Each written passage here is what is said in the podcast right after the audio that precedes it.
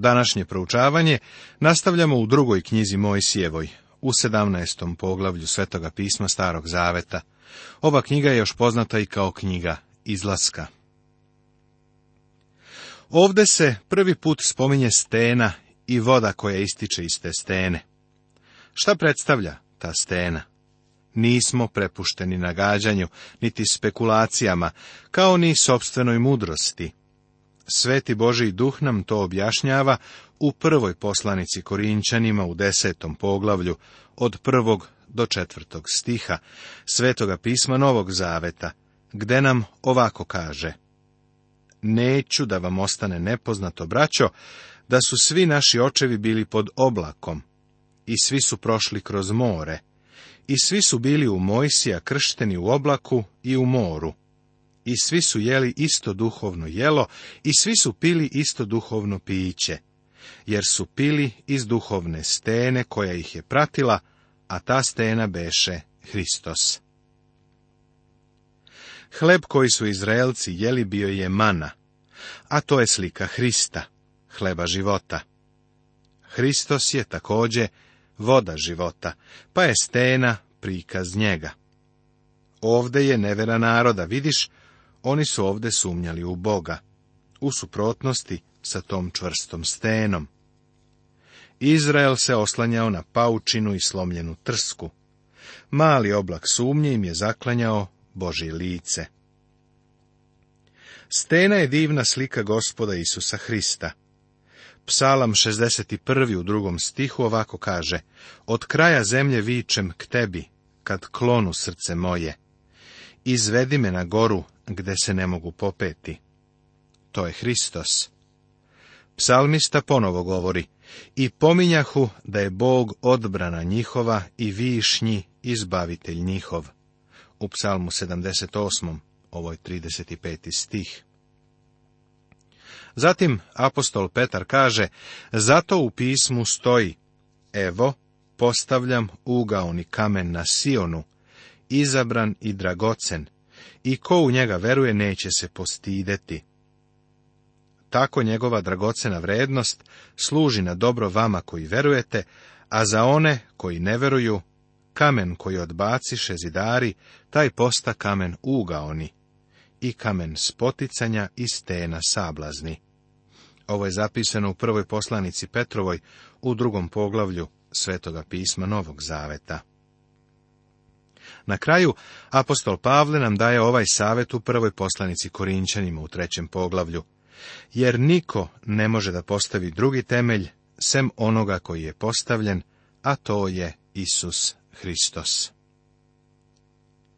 Gospod Isus je, kao što kaže jedna pesma, stena u tegobnoj zemlji.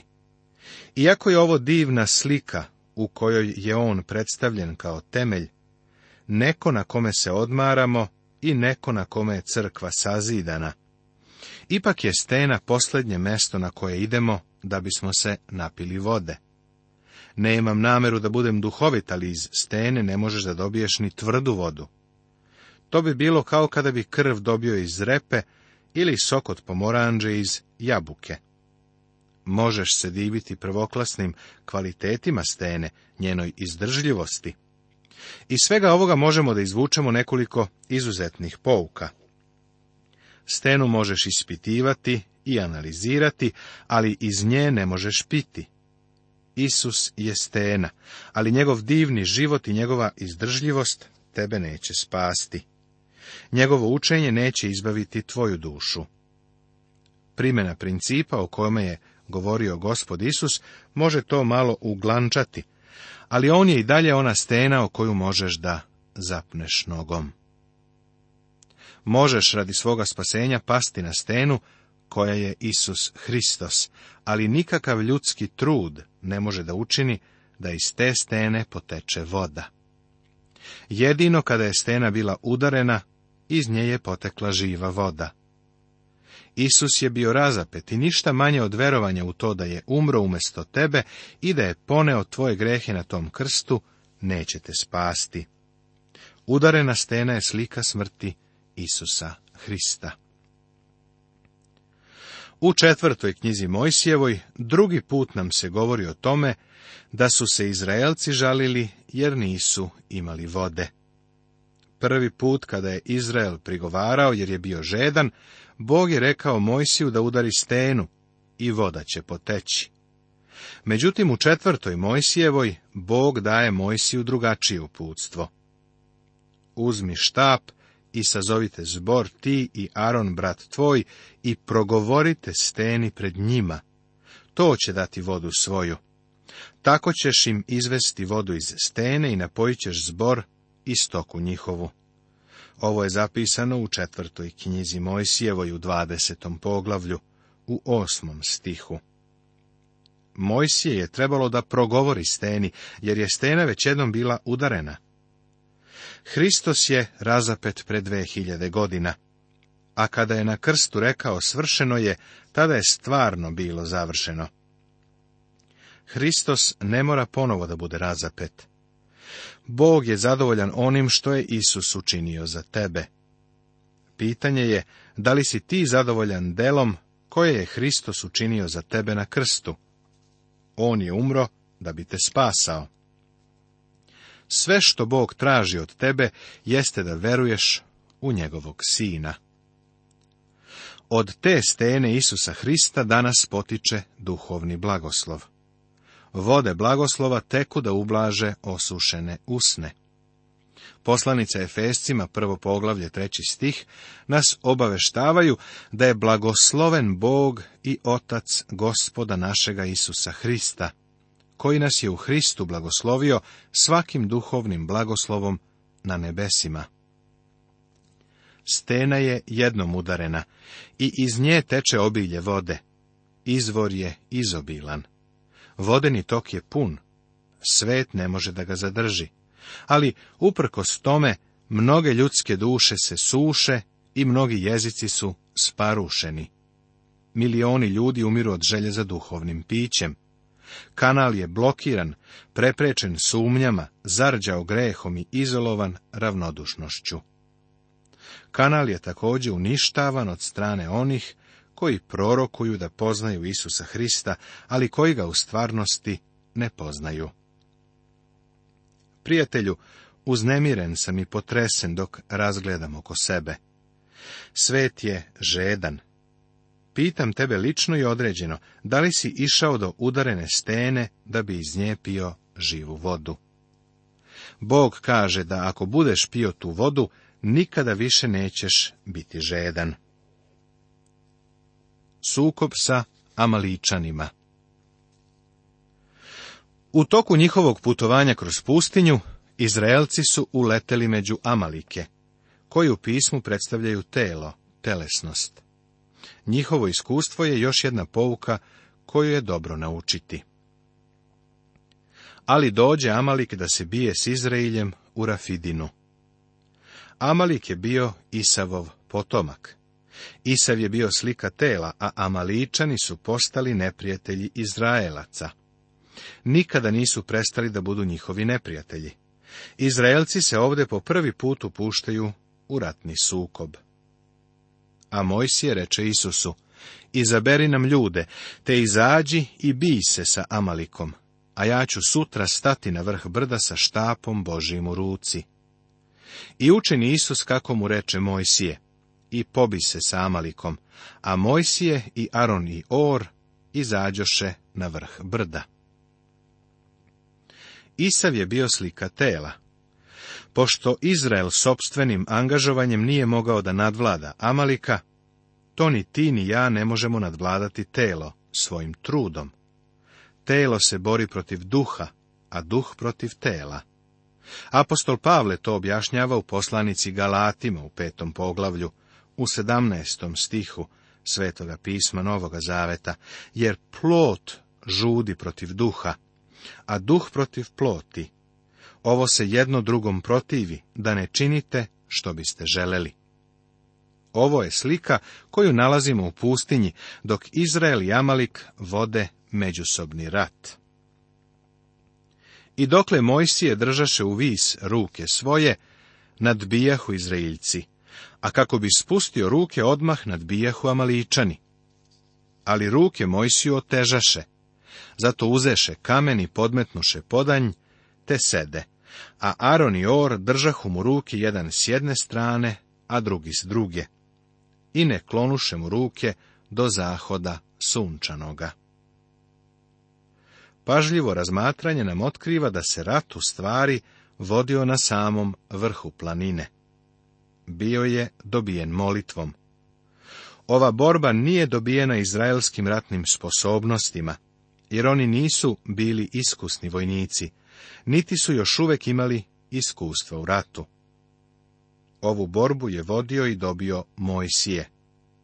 Onog momenta kada Mojsije više nije mogao da drži podignute ruke, Izraelci bi počeli da gube bitku. Da nije bilo Mojsija, Izrael bi izgubio borbu. Važno je da se setimo da jedino sveti duh može da nam da pobedu nad telom. Pobeda nastupa kada vernik hoda u duhu. Kada ti i ja delujemo nezavisno od duha, onda Amalik, telo, lako dolazi do pobede. Dok su Mojsijeve ruke bile podignute, Izraelci su pobeđivali ti i ja nikada nećemo moći da nadvladamo telo. Jedino duh sveti to može da učini. I razbi Isus Amalika i narod njegov oštrim mačem. Potom reče gospod Mojsiju, zapiši to za spomen u knjigu i kaži Isusu neka pamti da ću sasvim istrebiti spomen Amalikov ispod neba. Sada je vreme da zastanemo i da pogledamo ovog čoveka, Isusa Navina. On će naslediti Mojsija. Vidimo da se on već priprema za tu poziciju. On je jedan običan čovek, ali ga Bog priprema za zadatak koji je pred njim. Bog je savjetovao Mojsija da ponavlja Isusu Navinu da će Amalik biti pobeđen i uništen. Sada će se Bog osloboditi tela. Hvala Bogu za to. Kada Gospod odvede crkvu u nebo, on će je promeniti. Prva poslanica Korinčanim u 15. poglavlju, 52. stih, to potvrđuje rečima U momentu, u tren oka, kad zatrubi posljednja truba. Truba će naime zatrubiti i mrtvi će biti vaskrsnuti, neraspadljivi, a mi ćemo se izmeniti. Kad bi gospod na nebo odveo crkvu onakvu kakva je sada, bez njenog menjanja, nebo bi bilo isto kao i ova stara zemlja, jer bismo mi svojom starom prirodom upropastili to mesto.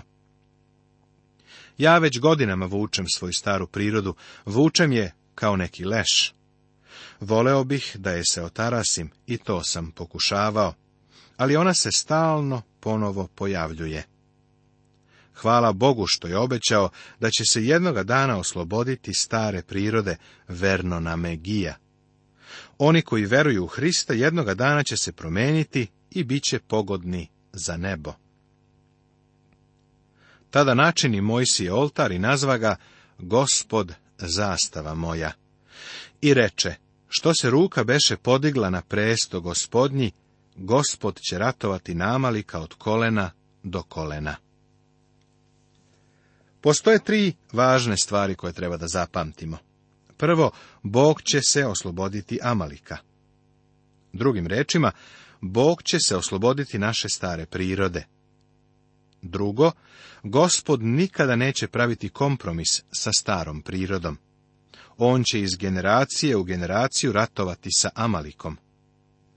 Treća važna stvar je da će se ovaj konflikt stalno ponavljati, sve dok živimo u ovom telu i dok smo u ovom životu.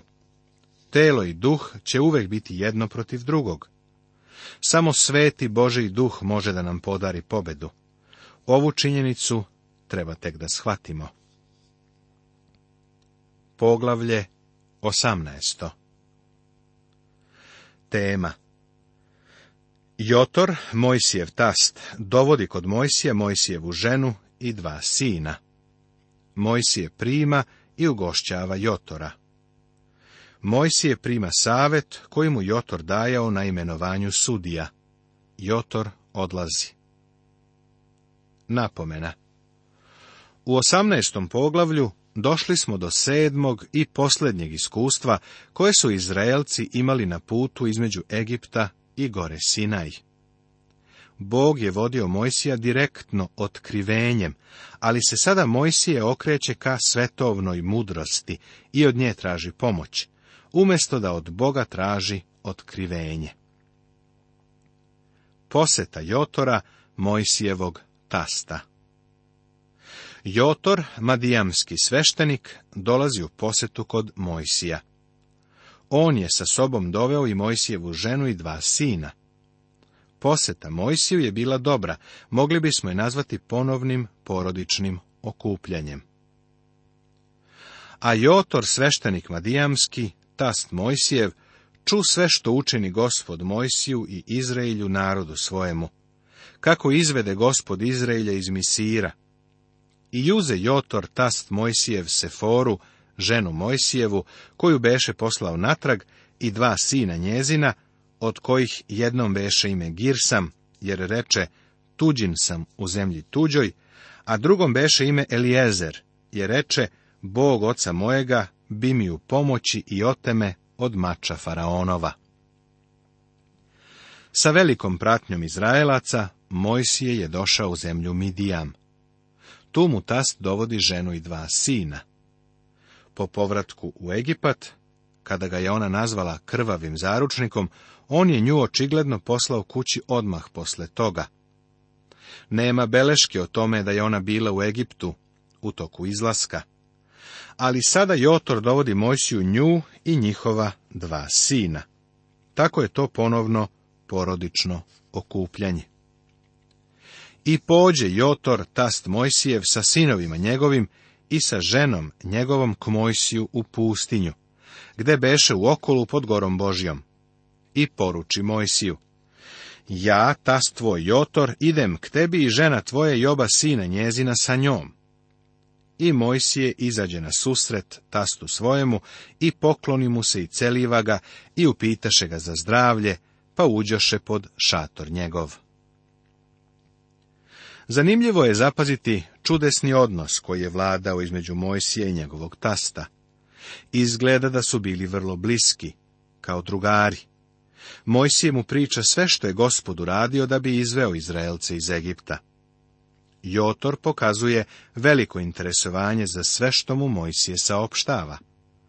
U stvari, kada je Mojsije izašao u susret svoje porodici, piše da je poljubio svoga tasta, ali ništa ne piše o tome da je poljubio ženu.